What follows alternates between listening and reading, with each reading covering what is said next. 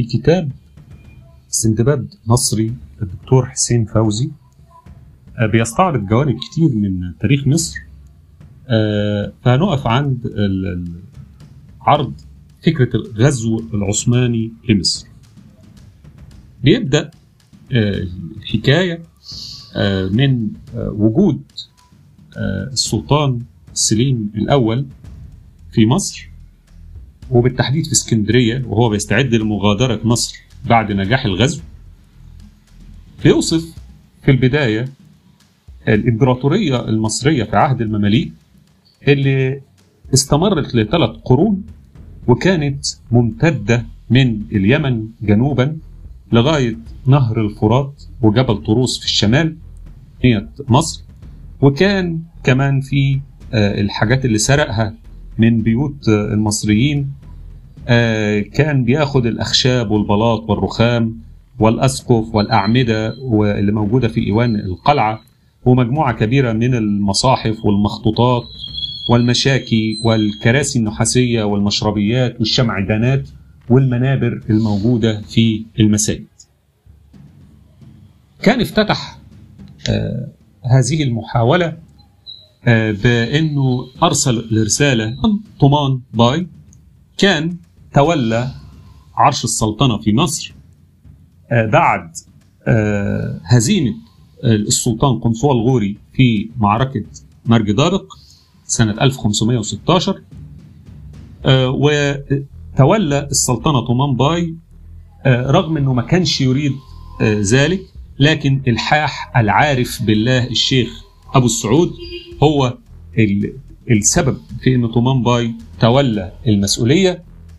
آه لأنه فأحضر لهم الشيخ مصحف يحلفوا عليه يمين الإخلاص لطمان باي آه بأنهم لا يخونوه ولا يغدروا به آه ولا يخامروا عليه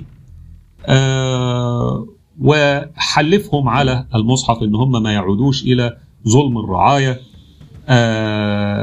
وإنه يبطلوا ما أحدث الغوري من المظالم ويعودوا إلى أيام الأشرف قايت باي لأنها كانت أيام عدل بالنسبة لل- للمصريين وقال لهم إن الله تعالى ما كسركم وأذلكم وسلط عليكم ابن عثمان يقصد سليم إلا بدعاء الخلق عليكم في البر والبحر وبالفعل الأمراء ردوا عليه وقالوا تبنا إلى الله تعالى عن الظلم من اليوم.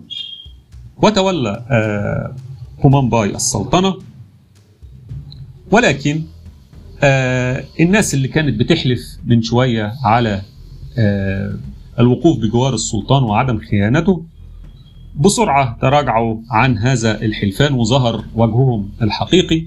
أولا بأن لما السلطان طلب منهم الخروج لملاقاة آه، بني عثمان آه، كان قرر أنه يعطي آه، لكل مملوك هيخرج معاه آه، 30 دينار ومكافأة كده ثلاث أشهر ب 20 دينار. لكنهم آه، اشترطوا عليه إن كل مملوك ياخد 100 دينار علشان يرضى آه، يخرج معاه. فتحولوا من مدافعين عن أرض أو وطن إلى مرتزقة مستنيين آه، الأجر علشان يحاربوا آه، ويدافعوا عن الأرض. آه، في هذا الوقت آه، كان آه، ال- ال- المصريين ما بيقدروش يشتركوا في الدفاع آه، عن أرضهم لأن تم من آه، وقت قديم آه، ابعادهم عن فكرة إن هم يدافعوا عن أرضهم كمصريين. دايما كانت القوى الأخرى الخارجية هي اللي بتيجي وبتتولى آه، الدفاع وبتحاول تبعدهم عن كل قوة وعن آه، فكرة المشاركة في الدفاع عن أرضهم وكأنها آه، مش أرضهم ولا حاجة. طبعا خوفا من ازدياد قوتهم ورفضهم لأي احتلال جاي من الخارج. علشان كده آه، مكتوب آه، في الكتاب إن إزاي الإمبراطور آه، الروماني كان بيكتب في أثناء الاحتلال الروماني لمصر بيكتب لعامله في مصر هنا أرسلتك لتجز صوف الغنم لا لتسلخ جلده. يقصد أنا بعتك مصر علشان تاخد الثمرات منها اللي هو يجز صوف الغنم كأنه بياخد صوف من فوق ظهر آه الخروف. آه مش إنه يسلخ جلد الخروف يعني مش إنه هو يجوع آه مصر والمصريين. وكمان عندنا الخليفة الراشد عمر بن الخطاب وهو بيقيل عمرو بن العاص. من آه ولاية, ولاية مصر وقال له لقد درت اللقحة بعدك يا عمرو فيجيبه عمرو. نعم ولكن أجاعت أولادها. يقصد هنا أن عمر بن الخطاب كان معترض على الفلوس أو الخراج اللي بيبعته عمرو بن العاص من مصر إلى الخلافة. كان بيجد إن هو قليل فشال عمرو بن العاص من مصر ووضع مكانه آخر الآخر قدر إن هو يجيب الكثير من الخراج إلى عمر بن الخطاب. فعمر بن الخطاب بيقول لعمرو بن العاص ده بقى في عائد كبير بيجي من بعد ما أنت تركت الولاية. وكأنه بيقول له أنت كنت فاشل في أخذ هذه الأموال وإرسالها. لكن عمرو بن العاص أشار له بانه كان بيعمل كده وكان العائد قليل علشان يترك شيء للناس اللي عايشة في هذا الأرض وعلشان كده بيجاوبوا آه صحيح الفلوس كترت لكن أجاعت أولادها يقصد أن أولاد مصر أصبحوا في فقر بسبب اللي اتخذ منهم زيادة عن اللزوم.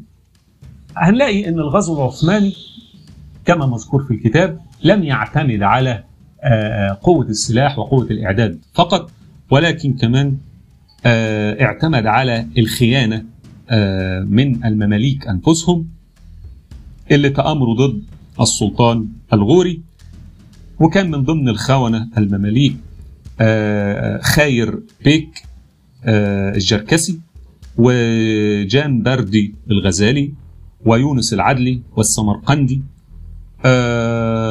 وكان كل واحد منهم ليه دور في إن يساعد العثمانيين على غزو مصر وكان أبرزهم طبعا خاير بيك اللي كان المصريين أطلقوا عليه بعد ما عرفوا دوره في الخيانة خاين بيك.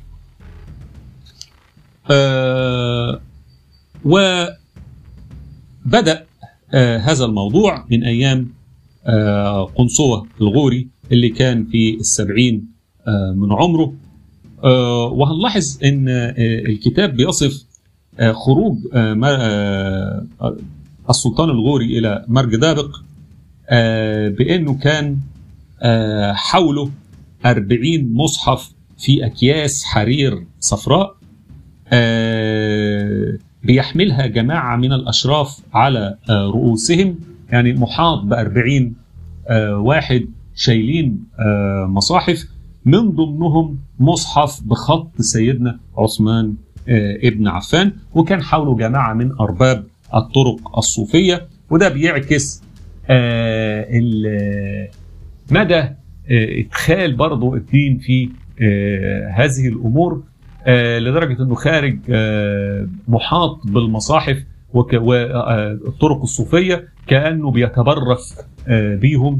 علشان يقدر ينتصر. و مرج دابق تمت وكانت فيها النصر للمماليك في بداية الأمر ولكن سرعان ما بدأ العثمانيين يلموا نفسهم ويقدروا إن هم يعيدوا النصر مرة أخرى لكن الخيانات الموجودة داخل المماليك سهلت الموضوع على العثمانيين بأن الميسرة اللي كانت بقيادة خاير بيك الخائن تراجعت وانضمت هي والقوة اللي تبع غزالي بيك إلى العثمانيين فكشفوا جزء من جيش قنصوة الغوري وكانوا سبب في الهزيمة. وكما ذكر ابن إياس في كتابه المشهور بدائع الزهور في وقائع الدهور إن السلطان قنصوة الغوري كان بينادي في في الناس بيطالبهم بأنهم يقفوا جنبه. فيا أغوات هذا وقت النجدة وكان بينادي على أرباب الطرق الصوفية ويقول لهم ادعوا الله بالنصر في هذا يومكم ولكنه في الآخر لم يجد لا معين ولا نصير له. ويبدو إنه تاثر تأثر شديد باللي حصل وشعوره بالخيانة وشعوره بالتخلي المحيطين بعمه أصابه بالشلل اللي كما بيصفه ابن فا ابن قياس إنه خلطه الفالج اللي هو الشلل وأبطل شقه وأرخى فمه. فواضح إنه زي ما يكون أصيب بجلطة أو شيء من هذا. وطلب إنه هو يشرب قليل من الماء وحاول ان هو يمشي خطوتين ولكنه سقط في الأرض ميتا. ولا أحد يدري فين جثمان قنصوة الغوري في هذا الوقت. بعد كده جاء العثمانيين وتولى طومان باي السلطنة وحاول ان هو يقف في وجه العثمانيين ثلاث مرات. ولكن في كل مرة ورغم إنه كان بي بيواجههم بشجاعة وبيقدر إنه يكون في بداية الحرب تكون الكفة في صالحه. لكن دايما كان بيهزم. في في النهاية. لأن القوة ما كانتش متكافئة غير طبعا وجود الخيانة غير إن مش أهل البلد هم اللي بيدافعوا عن بلدهم. وهنلاحظ ده في إن في وقت من الأوقات إن اللي وقف بجنب طومان باي في هذا الوقت العياق والزعر والحرافيش ببولاق يعني أهل البلد البسطاء اللي كانوا لم يجدوا مفر غير إن هم يقفوا بجانب السلطان طومان باي رغم إن هم مش متعودين على الحرب. وامتدت الموقعة بقى في قلب القاهرة من الخليج الناصر الناصري ومن الناصرية حتى قناطر السباع إلى الصليبة. لحد مسجد ابن طولون حتى الرميلة اللي هي ميدان القلعة الآن. وهرب طومان باي من الأسر مرة واثنين وثلاثة وكل مرة يحاول إن هو يجمع بعض من جيشه عشان يعيد المقاومة مرة أخرى. وما رضيش إن هو يسلم على الإطلاق. لحد آخر مرة ما احتمى بأحد شيوخ العرب اللي كان اسمه حسن بن مرعي في الدلتا وأحضر الشيخ مصحف وحلف عليه هو و... وابن أخوه إن هم مش هيخونوا السلطان ومش هيغدروا بيه آه ولكن العجيب إن دايما بيحصل حلفان على المصحف ثم تحدث الخيانة من الناس اللي حلفوا على المصحف فشيخ العرب حسن ابن مرعي. سرعان ما بعت آه للعثمانيين يقول لهم على ان هم عنده آه طومان باي اللي وجد آه فرقة كبيرة من جيش سليم فوق دماغه فجأة وبيقبضوا عليه بعد ما كان اطمأن إلى شيخ العرب وحلفانه على المصحف. طبعا السلطان سليم طلب منه إنه يعترف بسلطنته عليه. رفض طومان باي. وقال له أنا كنت بأدي دوري ومهمتي في الدفاع عن أرضي. آه لكن آه السلطان سليم كان شايف إن هو معاه الحق في كل اللي بيعمله ومش شايف إن هو بيعمل غزو ولا حاجة ولا إن هو بيحتل أراضي ولا حاجة. وهنا آه، نقطة مهمة جدا إن إحنا هنلاحظ إنه آه، كان بيقول إنه معتمد على فتاوي العلماء. ومرة أخرى الدين بيتدخل عشان يبرر آه، ال- ال- الحرب على الآخرين وغزو الآخرين.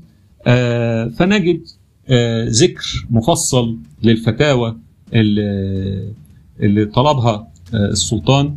من آه، مفتي السلطنة آه، في ثلاث مسائل.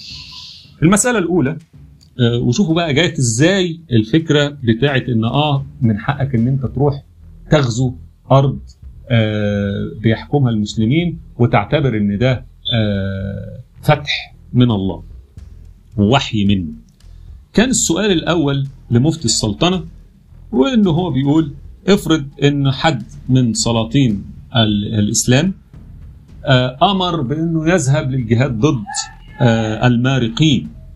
هو طبعا هو بيقصد هنا السلطان العثماني ضد المارقين فبيقول إن آه، وإنه وجد من بعض سلاطين المسلمين الآخرين يقصد هنا المماليك إن هم بيقفوا جنب هؤلاء الم- المارقين علشان يعطلوا هذا آه، السلطان ف آه، المفتي قال آه، من نصر كافرا فهو كافر.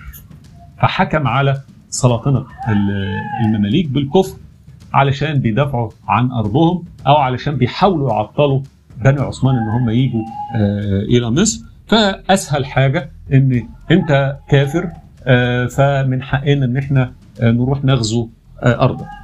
الفتوى الثانية إنه سأل إن كانت أمة من الأمم آه، ال- ال- المسلمة وهو يقصد هنا المصريين والمماليك آه، أمة من الأمم المسلمة بتجوز بناتها من الكفار اللي هم المماليك.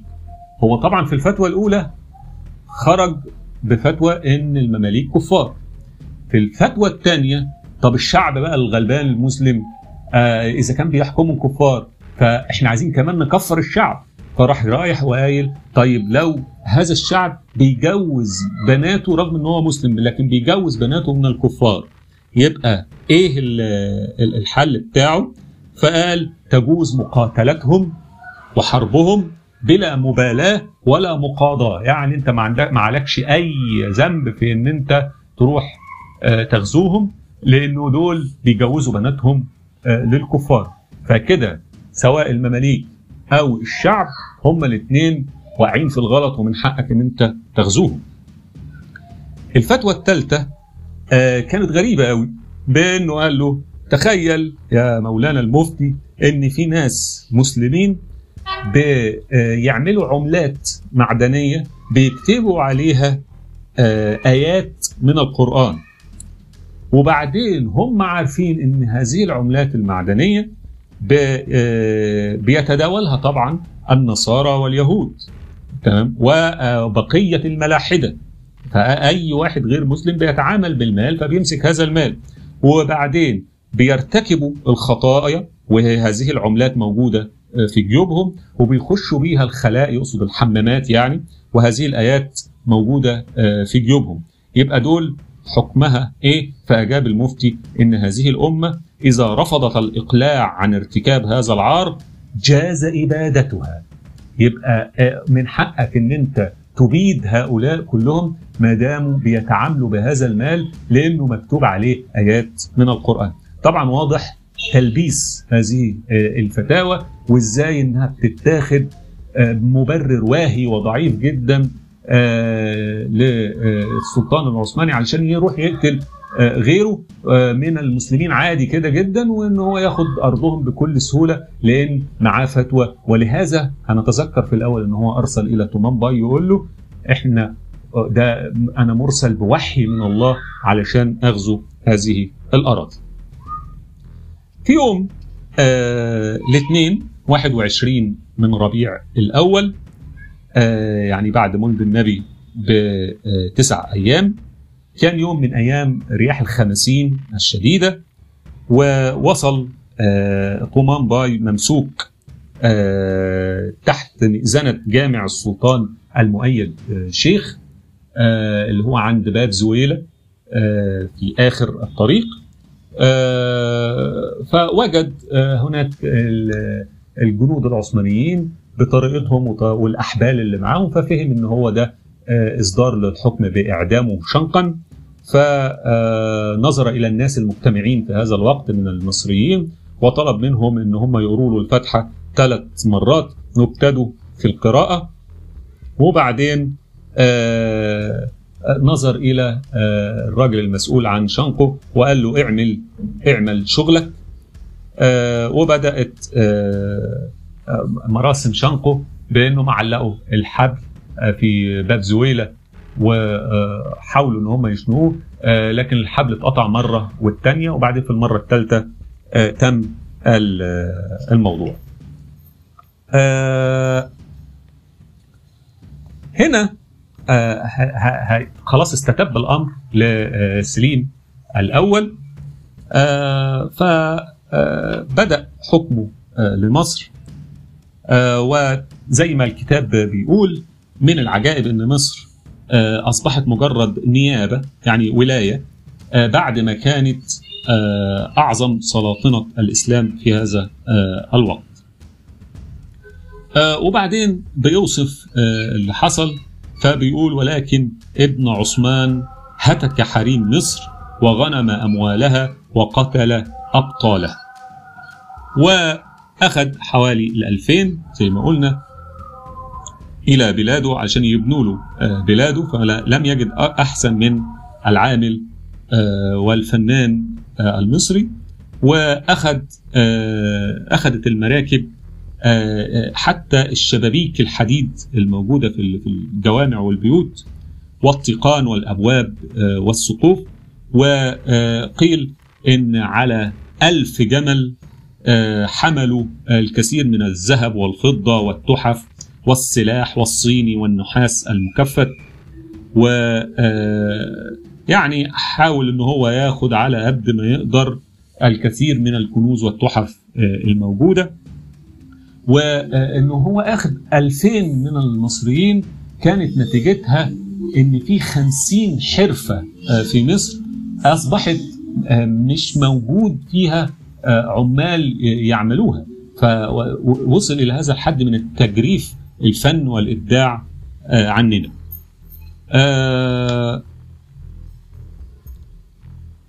و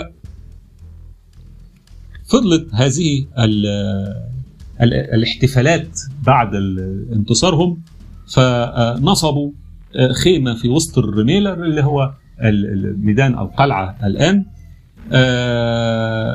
نصبوا ثلاث خيام. طب المفروض ده طيب ده جيش جاي لل زي ما استند على الفتاوى واستند على إنه وحي من الله فهو المفروض يعني جاي يحيي بقى كلمة الله ولكن هنلاقي إن الاحتفالات احتفالات النصر كانت عبارة عن ثلاث خيام كبيرة في ميدان الرميلة خيمة في وسط الرميلة جعلوا فيها الدينان البوظة اللي هي حاجة تشبه الخمر. وخيمة أخرى فيها جفان الحشيش يعني صواني مليئة بالحشيش عشان يدخنوا. وخيمة ثالثة موجود فيها الصبيان المرد يعني أطفال على وشك سن المراهقة 12 13 11 سنة علشان يمارسوا معاهم الجنس. و صاروا بيهجموا على البيوت يقلعوا منها الرخام وياخدوا ما تستطيع أيديهم أن تصل إليه. وبعدها بدأ تاريخ من الإظلام الموجود في مصر يمكن ما حصلش من ساعة غزو الهكسوس. وبعد فترة بسيطة استطاع المماليك اللي هم مش أهل البلد أصلا إن هم يعودوا مرة أخرى إلى الحكم في صورة مناصب جديدة تعتبر تحت قيادة العثمانيين زي منصب شيخ البلد أو أمير الحج. وأما خير بيك فكانت مكافئته على خيانته إنه تولى حكم ولاية مصر لخمس سنين وكان أحد المؤرخين كتب إن أمراء المماليك ما كانوا بيعدوا على المكان المدفون فيه خير بك كانوا لا يقرؤون الفاتحة لا هم ولا البشوات ولا الاغوات ولا الصناجق بل إن الإشاعات اللي كانت بتطلع في الوقت ده انتقاما منه إن كان العوام من أهل البلد كانوا يقولوا إحنا بنسمع من قبره بتخرج أصوات انين في الليالي الحالكة وده بيعكس فكرة آه إن كراهية الناس له حتى إن هم آه يشيعوا عليه هذه آه الاشاعات لتفهمهم لدوره في الخيانة.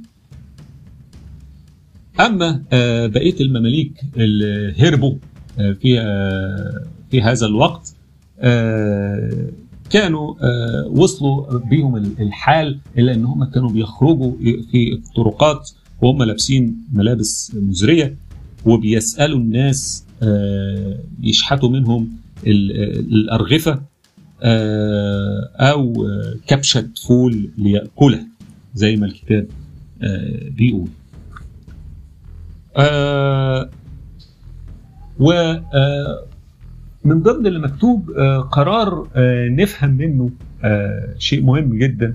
إزاي إن الخليفة العثماني أصدر أمر مخصوص بإن لا أحد يصنع خيال الظل ولا مغاني عرب ولا غير ذلك. يقصد دي كانت الفنون اللي موجودة في هذا الوقت واللي بيمارسها العامة من الناس. إن هم ما يعملوش هذه الفنون لأنها كانت هتبقى وسيلة انتقاد للعثمانيين وسخرية منهم على عاده المصريين في السخرية. فأبطل العثمانيين هذه العادات. ويوصف الوقت ده بان هم صاروا يخطفون النساء من الطرقات وكذلك الصبيان المرد زي ما قلنا اللي هم الصبي اللي لسه لم يلحق المراهقة. حتى قيل إنهم زي ما مكتوب في الكتاب خطفوا امرأة عند سلم جامع المؤيد شيخ تحت دكان الذي يبيع الكعك والناس ينظرون إليهم وهم يفسقون بها فلم يجسر أحد أن يخلصها منه. آه وفي الوقت ده حصلت آه برضو آه آه غريبة آه تتناسب مع الفكر الديني اللي كان موجود آه في هذا آه الوقت آه إن آه النيل اللي هو كان بيبقى سبب في إما الرخاء أو المجاعات على حسب آه فيضانه أو جفافه. آه توقف عن الزيادة في هذه الأوقات وما كانش بيجي بفيضان أو زيادة في هذه الأوقات. فالامراء في الوقت ده قالوا لا خلاص إحنا أكيد بنتعاقب من الله على الحاجات اللي موجودة من الأخطاء اللي موجودة. فإحنا نبطل هذه الأخطاء. فأبطلوا النبيذ والحشيش والبوظة. ومسكوا بنات الخطأ اللي هم بنات الليل يعني. ومنعوهم من عمل الفواحش. وكانت في واحدة منهم كبيرة تعتبر قائدة ليهم يعني اسمها أنس. فرغم إنها كانت بتدفع المعلوم علشان تستمر في عملها عادي إلا إن هم منعوها. واحد ملك الأمراء أمر بتغريقها يغرقوها هي وامرأة أخرى اسمها بدرية ولكن النيل سرعان ما عاد لحاله وفاض مرة أخرى فرجع بقى العثمانيين في كلامهم لا غرقوا البنتين ولا عملوا حاجة في موضوع النبيذ والحشيش والبوظة ورجع الموضوع مرة أخرى كما هو. دي كانت حكاية الغزو العثماني كما هو موصوف في كتاب سندباد مصري للدكتور حسين فوزي لا عشان يصور لنا مرحلة تاريخية من المراحل اللي عدت على مصر.